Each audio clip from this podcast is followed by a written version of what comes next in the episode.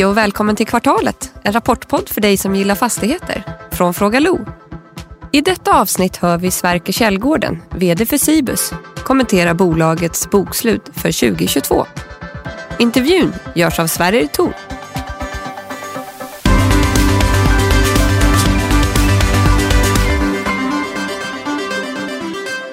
Hallå Sörker!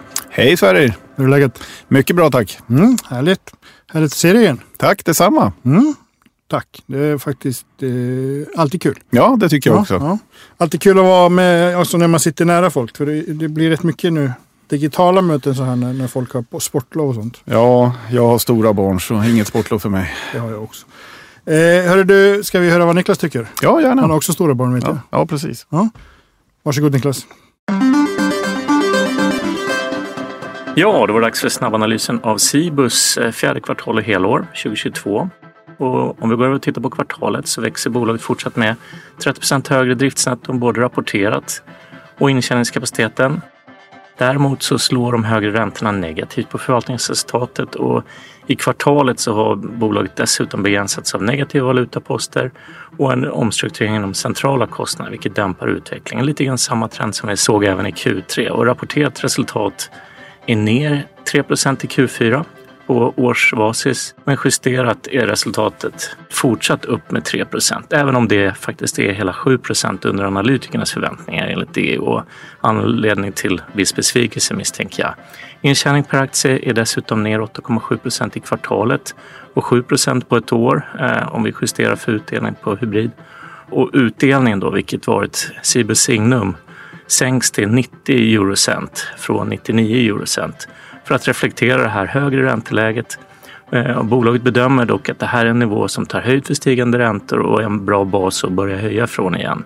Men det här är en sänkning som har pressat aktien som föll till drygt 8% på rapportdagen och en viktig punkt för dagordningen i diskussionen efter snabbanalysen.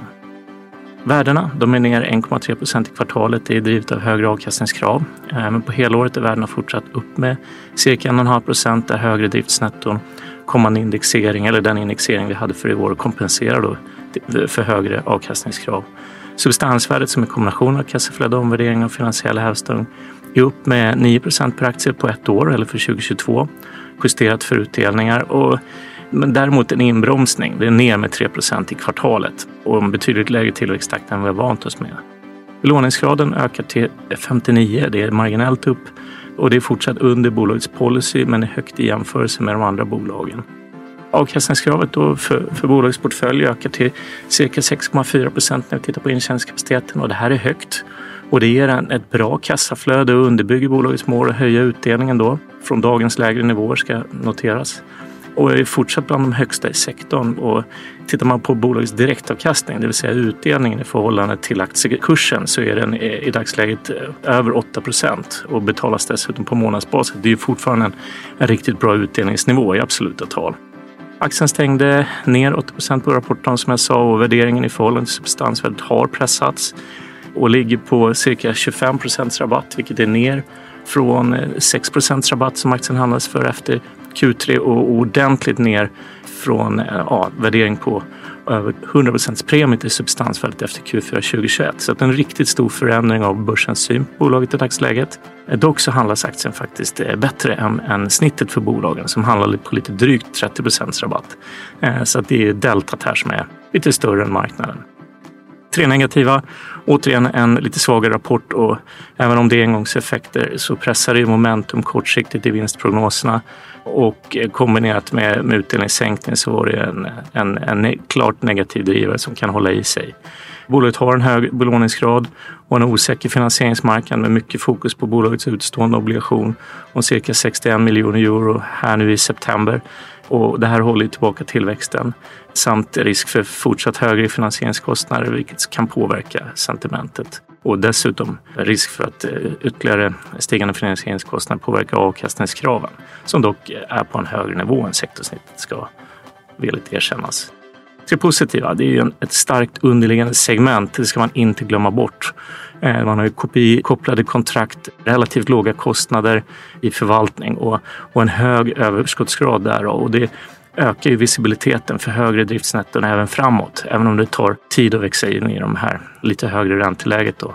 Förvärvsdriven och kommer ju kunna utnyttja en, en, en, tuffare fastighetsmarknad givet då att de säkrar finansiering efter emissioner. Här är en lite frågetecken efter omvärderingen nu på slutet. Men sen sist eh, så har ju bolaget väldigt attraktiva yieldgap trots de här stigande räntorna och det underbygger avkastningen som man dessutom kan köpa in till en substantiell rabatt eh, kopplat till underliggande värde. Även om utdelningen var ner eh, så är den fortsatt högre och den säkras ju av kassaflöden. Och kan man köpa en aktie till rabatt och få en utdelning så får man ju väldigt mycket på köpet. Tack för det. Eh, jag blev lite förvånad när jag läste rapporten. Mm. Dels tyckte jag att det var, jag vet inte om jag ska säga svaghetstecken, men dels var det här med utdelningen som jag vet Mm. att många re- reagerade på. Mm. Det var ju rätt stora belopp på nedskrivna. Sen var det inte så mycket nedskrivna egentligen. Det var ju bara en procent. Ja. Men det är väl framförallt kanske utdelningen. Men Mm. hur, hur skulle du sammanfatta det här kvartalet? För det känns som att det har varit lite utmanande om inte annat. Eh, Det är utmanande och i, i, man kan väl säga de, de sista sex månaderna i 2022 var ju betydligt eh, mer utmanande än de första. Mm. Rysslands eh, anfallskrig i Ukraina, det, det, det gjorde ju att eh, det blev oro på världsmarknaden. Och, och såklart slog det ner på finansmarknaden också, vilket gjorde att vi har ju haft eh, alltså 300 baspunkters räntellyft på sex månader. Det är extraordinärt. Mm. Vi som, som många andra fastighetsbolag har, har ju haft en relativt hög belåning. Vi har 1,1 miljarder euro i skuld och det, det innebär att det är 30 miljoner euro på, på årsbasis. Eh, sen har vi räntesäkringar eh, på 70 procent av vårt belopp. Så på, i det korta loppet så, så, så ehm, eh, är vi säkrade. Men på lång sikt, om det här fortsätter, så, så kommer det slå på våra siffror. Vi hade kunnat fortsätta med utdelningen åtminstone ett år till. Men, men vad styrelsen vill, det är att visa långsiktigt vilken nivå vi uthålligt kan, kan betala ut. Och fortsätta med det och förhoppningsvis kunna höja den framöver. Mm. Därför gjorde vi det här redan nu. Vi hade kunnat gå, kört ett år till, men risken hade funnits att vi hade gått in i väggen och det hade blivit betydligt värre situation än vad vi har idag. Så därför gjorde vi korrigeringen redan nu för att kunna tala om för marknaden att det här är det vi långsiktigt kommer kunna eh, dela ut i det ränteläge som vi är idag. Mm. Du, du skriver det själv i vd-ordet. Ni är ett utdelningsbolag. Mm. Ni har ju haft ganska hög svansföring Mm. vad gäller utdelningen. Mm. Känner du att det här gör det här liksom svårare att, att sälja in caset Cibus? Egentligen inte. Tittar du på direktavkastningen idag så är den över 8 procent. Det är en fantastisk direktavkastning på den utdelningen vi föreslår. Mm. Det är inte svårt att sälja in det här. Okej. Eh, Tittar du på underliggande verksamhet, alltså våra hyresgäster och, och våra fastigheter, så, så den underliggande verksamheten går jättebra. Vår driftnetto ökar med 30 procent, mer än 30 procent under 2022. Det är finansieringen och finansieringskostnaden som vi måste anpassa oss till och anpassa bolaget till eh, en ny långsiktig verklighet dit vi har kommit. Okej. Vad är, alltså, för det, du nämner ju också det i vd-ordet, ni, ni har ju hyresgäster som är starka, ni Mm. har, eh, de har ju klarat pandemin bäst av alla. Mm. Det är de som har gynnats av pandemin Mm. i stort sett. Men, och, och de har ju liksom eh, linjen över klarat eh, högre hyresnivåer, vad Mm. jag förstår.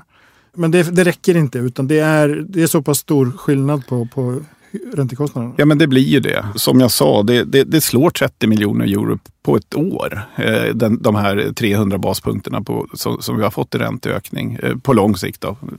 Mm, Okej, okej. Eh, ni har jobbat med, med finansieringen. Vi pratade om det förra podden. Mm. Då hade ni ju testat marknaden i, i Mm. augusti. Mm. Eh, satt någon form av nivå där. Mm. Nu testade ni igen i oktober, eller i november. November, Ganska ja. kort efter att vi, vi pratade. sist. Ja. För då fick ni ännu hö högre marginal. Mm. Sju- 700 punkter va? Mm. Det jag kanske är ute efter. Kommer ni så fort det börjar ljusna, kommer ni börja om, försöka om, refinansiera de lånen? Eh, ja, det, det gör vi hela tiden. Eh, vi försöker, vi ser, över, vi ser över hur vi långsiktigt ska vara finansierade nu och så kommer vi agera utifrån det. Och, och, eh, det, det, är klart att eh, den här ränteomställningen som vi har med de här skenade räntorna som vi har sett de senaste sex månaderna, det, det, skapar en ny verklighet och en ny, en ny spelplan och det måste Cibus anpassa till också. Vi, vi, vi, vi kommer fortsätta växa det här företaget och, och det gäller att hitta lite andra vägar fram kanske. Mm. Eh, och annan typ av finansiering, vem vet vad det blir framöver. Mm. Du ser, jag har den här i en tabell mm. med, med ränte och kapitalbildningsstrukturen. Just det. Där har jag markerat rött. Mm. Och det som är på 3 till 12 månader. Det är ett höga belopp va? Nej, det är inte det. Det är, det är 65 miljoner kvar att refinansiera. Euro. Ja, precis. Mm. Vi, det var ju anledningen till att vi gjorde den här eh, obligationen i, i, december, den som vi fick 700 baspunkter på.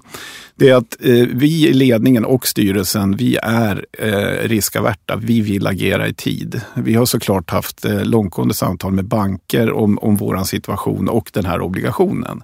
Bankerna vill att man försöker själv.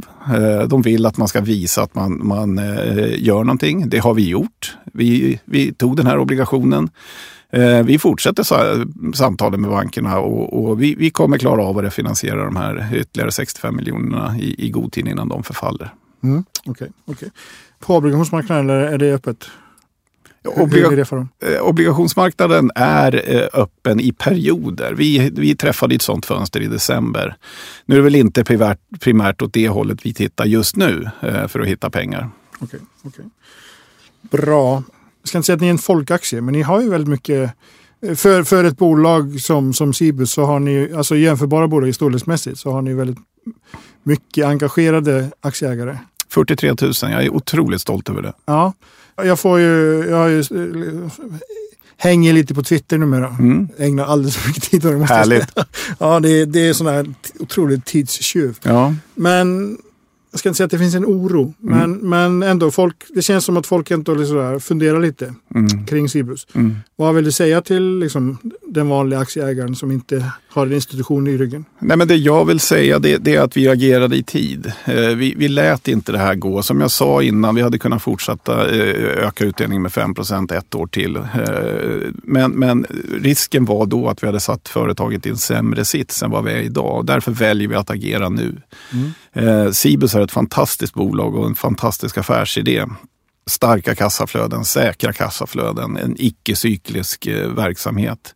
Jag ser med tillförsikt framåt framtiden. Okej, okay, okay. Eh, Du nämner, du avslutar vd-ordet med att ni, ni Cibus ser vidare att de kommande två åren kommer att tuffa för många fastighetsägare. Mm. Vilket kan ge upphov till, till intressanta möjligheter. Mm. Eh, är ni ekonomiskt rustade till att, att börja köpa större bestånd än det var tidigare? Eh, vi vet att vi har bankerna med oss. De vill fortsatt eh, vara med och finansiera vår tillväxtresa. Och, och hittills när vi har gjort eh, och behövt vid större förvärv så har vi kryddat det med, med nya emissioner eller och obligationer och det har också gått väldigt bra. Vi ser med tillförsikt fram emot det och, och vi, vi, önskar ingen olycka såklart. Men, men det kommer med största sannolikhet dyka upp eh, intressanta affärsmöjligheter framöver en stöd annat bröd om man ska hålla sig till livsmedelstemat. ja, så kan man ju kalla det. Men, men som sagt, vi önskar absolut ingen eh, någon nej, olycka. Nej, jag, förstår det, jag förstår det. Eh, värdeförändringarna. Mm. Eh, ni, ni, skriver ner 24 miljoner mm. Och det är, är ungefär 1,25 procent om jag, min huvudräkning inte var helt... Ja, det är runt 1 procent. Ja. Helt fel. Mm. Hur, hur liksom, kan du prata om, om värderingsgilder? Ja, det, det, kan vi göra eh, till viss del i alla fall. Vi, vi, vi har sett den största förändringen där vi har sett på, på den generella värderingsgilden. Den, den skedde i Danmark, men de har också varit lägst gilder där. Eh, och nu, nu är det en låg yield i, i vårt sammanhang, en ganska hög yield om du jämför med andra segment. Men de har legat någonstans mellan 5 och 5,5 procent. Och nu ligger vi någonstans mellan 5,5 och 6 kanske. Okay. Eh, så, så, så det har skett en liten förändring där. Eh, annars i Finland och, och, Norge har det varit ganska stabilt. Sverige har också sett en liten justering, några punkter, 10-20 baspunkter kanske. Men det här har ju mötts av att vi får, vi har ju 99 procent av våra hyror eh, kopplade till KPI. Eh, I, I Sverige och Finland så är det oftast 100 eh, KPI. I Danmark kan det finnas tak och golv så att eh, index kan gå mellan 1 och 3 eller 2 och 4 procent beroende på, på mm. var man ligger. Mm. Så, så, och det här motverkar ju såklart. Eh, nu har vi inte vi får inte full effekt av, av eh, index eh, från 1 januari på hela vårt bestånd. För, för i Sverige och i Norge så är det en indexuppräkning per år och den sker 1 januari. I Finland och Danmark så är det på årsdagen om när kontraktet skrevs så det kan falla ut lite olika över året. Så, så vi, eh, vi kommer se fortsatt ökat driftnetto bara genom index i, i vår portfölj över året. Mm, okay, okay. Känner du att det är en eftersläpning i då kanske framförallt Finland och, och Norge? Nej, egentligen inte. De, de, de kom aldrig ner. Eh, de har, det har gjorts affärer på nivåer som har varit eh, bra för Cibus och Cibus aktieägare kan man väl säga. Och det har gjort att det har inte varit någon yieldkompression på, på livsmedelsbutiker. Så det finns ingen så framtida puckel att ta sig över där? Nej, det, det, kommer säkert ske vissa justeringar. Det beror ju alldeles på vilka affärer som görs också. Det, det kan vi inte påverka om det inte är vi som gör dem. Så, mm. så vi får se vad som händer. Okej, okay, okay. Tillväxten, vi har ju pratat mycket om, om, eh, om det mm. hittills. Eh, vilka länder, till och med Island, Ja. Ni inte ska vara. Ja. Jag kommer tjata om det här tills, det ska du göra. tills du ger dig. Ja, men vi säger att vi vill vara pannordiska, så det ska du fortsätta tjata om. men eh, ni hade ju ett mål om, om 30 miljarder SEK. Ja, 2,5 till 3 miljarder euro. Ja. Precis. Ja. Det har vi fortfarande. Men ni har skjutit det på, på lite på oviss, oviss tid? Ja, exakt. I och med att vi inte har fungerande marknader. Och, och, det stora problemet just nu det är att inte räntan stabiliseras. Eh, så det är otroligt svårt att prissätta. Eh, både ett förvärv för oss, men också om vi sätter en obligation på marknaden eller någon annan. Eh, vad, vad ska kupongen eller räntan vara? För man vet inte vad räntan är om tre månader eller sex månader. Så vad vi ser fram emot nu i, i, ett första skede det är väl att räntan stabiliseras. Så, så att den kommer på en nivå som man har någonting att förhålla sig till. Mm. När det har skett, då tror jag att vi kommer se eh, fler, fler förvärv, både i marknaden och från, från Cibus. Mm. Finns det någon räntenivå, säg att den stabiliseras på 5. Mm. Kan man växa även på den nivån? Ja, det, det, alltså förvärvsgilderna och räntan brukar vara kommunicerande kärl så, så det, det, är klart att man kan. Men det finns ingen nivå som är för hög? Liksom. 100 ränta kanske inte funkar. Men... Nej, det, det, är klart att det finns, det finns smärtgränser även här. För det finns ju någon slags teoretisk yield vad, vad, vad en fastighet kan vara värd också. Men, så det är klart att det finns. Men, men eh, ett tag till kan vi fortsätta i alla fall. Okej. Okay, okay. Ni som alla andra har ju, det märks ju, alltså förvaltningsresultatet mm. drabbas ju av, av högre, högre räntekostnader. Mm. Eh, ni som alla andra, ni kanske är lite i högre, högre intervallet vad gäller liksom hur, hur mycket finansnettot faller eller stiger beroende på varifrån man ser det. Men, men det är nästan fördubblas hos er. Mm. Från, från 5,9 till 11,4. Ja, det är ganska, mm. ganska exakt en fördubbling. Är det här någonting också man behöver vänja sig vid att, att det kommer stiga fortfarande tror du? Eller är det helt beroende av, av utvecklingen? Kan ni, för ni har pratat, ni gör 70 procent räntesäkrat? Ja, och det fortsätter vi. Vi ser ju över våra eh, kappar och, och swappar, så vi kommer ju fortsätta räntesäkra såklart. Kan ni räntesäkra en större del? Eller finns det ett behov av att ha en, en rörlig bit? Eh, vi har räntesäkrat den eh, mer i första kvartalet i år eh, okay. och vi tittar på det också. Det så, så, fort när vi har eh, kommunikation med våra banker, om vi tar upp ytterligare lån eller gör någonting vid ett förvärv så, så vill ju de att vi räntesäkrar del av lånet. Det, det är en naturlig del av, av, av, processen när man förhandlar med en bank så, mm. så det sker per automatik. Mm. Ni har också återköpt lite nu under under första halvåret? Eller ja, det, det, är ju den här 135 eh, miljoner euro som vi har 65 miljoner kvar som vi har köpt. Okay, eh, okay. Som mm. vi köper in. Okej, okay, eh, bra. Eh, sen har ni, det var en till post där i, i resultaträkningen. Administrationskostnader, mm. engångskostnader. Mm. Vad är det för något? Är det något du kan berätta Ja, men dels är det ju avgifter från eh, återför, återlösen av obligationen helt enkelt. Att vi gör det i förtid. Så mm. det är ju den stora posten i det här. Eh, och sen så, så vi hade några förvärv som vi tittade på som vi avbröt. Vi fullföljde inte dem och det blir ju en förgäves kostnad så att säga. Den DD-process vi har gjort. Nu är inte det några jättepengar men den stora är ju eh, finansiella kostnader för återlösen av obligation. Mm. Bra. Jag har egentligen bara en siffra kvar att prata om. Mm. Sen tänkte jag att vi skulle prata om någonting annat. Yeah. Eh, och det är räntetäckningsgraden. Mm. Den faller ju från 3,1 till 2,5. Mm fortfarande ganska, ganska trygg nivå kan mm. jag tycka. Men Det finns ju en del bolag som redovisar eh, var liksom kovenanterna ligger. Mm. Hur, hur ligger ni i förhållande till dem? Vi ligger bra till i förhållande Okej. till kovenanterna. Finns Mm. ingen, ingen, du är inte orolig där? Nej. Okej. okej. Bra. Solceller. Ja. Har vi pratat om. Men det, det, är, lite, det är lite paradigmskifte va? Ni har ju börjat få Ja, ja, och det är jätteroligt. Och för, för i, och med, eh, I och med att elpriserna har skenat så har intresset för, för solceller på, på taken till våra fastigheter från våra hyresgäster ökat också. Mm. De har ju tidigare kunnat eh, köpt eh, el på termin i, i, i flera år framöver. Det, det där kommer bli svårare och svårare och nu i och med att man eh, dels ur ett ESG-perspektiv vill köpa eh, hållbarare el men också eh, eh, hålla koll på kostnaderna så blir det mer och mer intressant vilket vi välkomnar. Och vi har byggt vår första egna eh, anläggning i Charlottenberg som togs i drift i december. Eh, så de hyresgästerna där har ett mindre koldioxidavtryck än förut på grund av att de kan köpa hållbar el från oss. Och det är någonting vi, vi, vi kommer fortsätta med. Okej. Och ni har börjat bygga själva också. Men, Mm. men hur är det liksom andra? Nu, är det ju, nu börjar det komma lite så här kreativa lösningar på det här. Logistea till exempel hyr ut sina tak. Mm.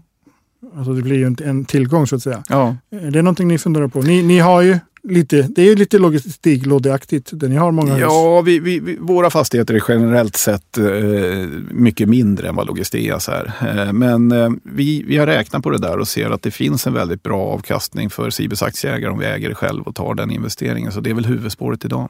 Okej. Sen har vi ju samarbete till exempel i Finland med Tokmanni som har jag tror de har drygt eh, 40 eh, tak som de har byggt eh, solceller på eh, i egen regi. Då. Mm. Och får vi en sån förfrågan så, så är vi väl inte negativa till det. För vi vet ju att de kommer stanna i fastigheten i så fall om de investerar själv i solceller. Mm. Finns det några ni skulle säga nej till? Några? Tak ni skulle säga nej till att ha solceller på? Eh, nej, det är nog inte vi som säger nej utan det är nog eh, vädret eller solläget eller, eller myndigheter i så fall. Eh, Okej. Vi äger ju en, en eh, bland annat en gammal fastighet inne i, i Malmö som jag har svårt att tro att vi kommer få, få sätta solceller på. Okej. Men ambitionen är ändå att eh, så nära 100% som möjligt? Ja, sen, sen kommer inte 100% gå för vi har väldigt många i norra Finland där det inte kommer löna sig. Men, men alla som är möjliga är absolut möjliga att, eh, eh, att vi bygger på. Vi får utveckla mörkerceller då. Ja, jag får göra det. Men du, eh, nu har jag tappat bort min fråga, men då går vi till nästa helt enkelt. Vi har, jag, jag nämnde det här inför, dig inför att jag har gått ut på Twitter. Mm. Eh, vi har ju redan ställt den ena frågan av de två som jag fick in. Den andra gäller, gäller eh, er konkurrenssituation på Mm. era marknader. Den, tycker jag, den hade jag faktiskt inte tänkt på själv. Är det svårare för konkurrenter att etablera liksom, nya matvarubutiker i era orter?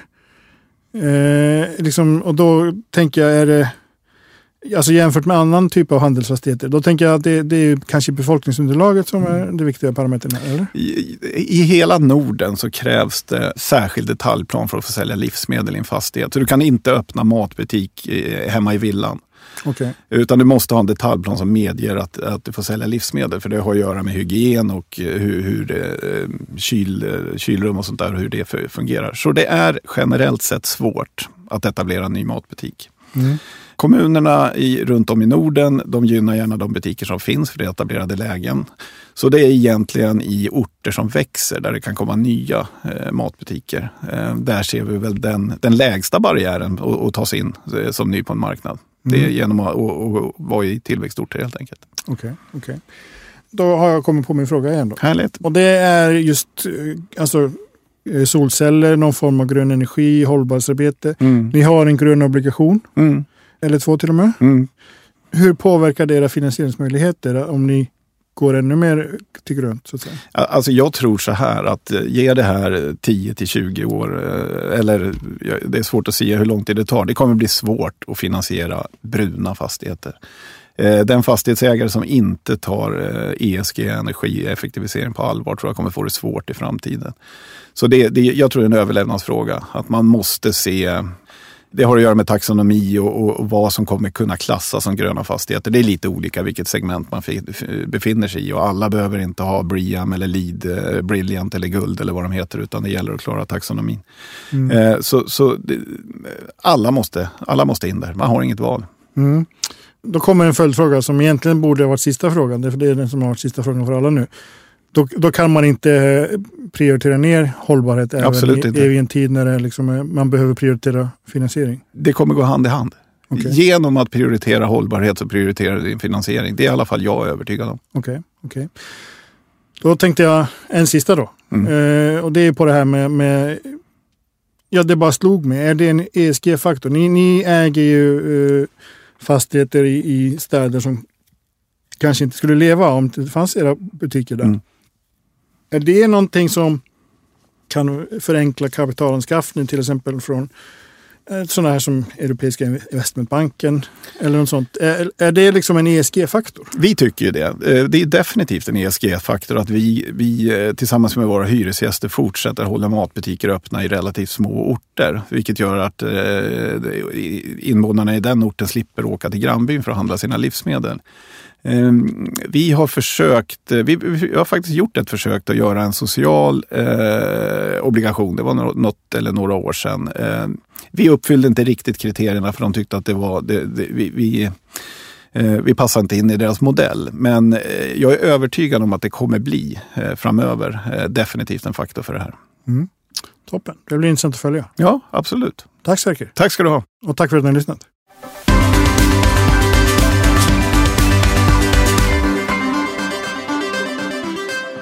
Det här programmet görs på Beppo. Beppo.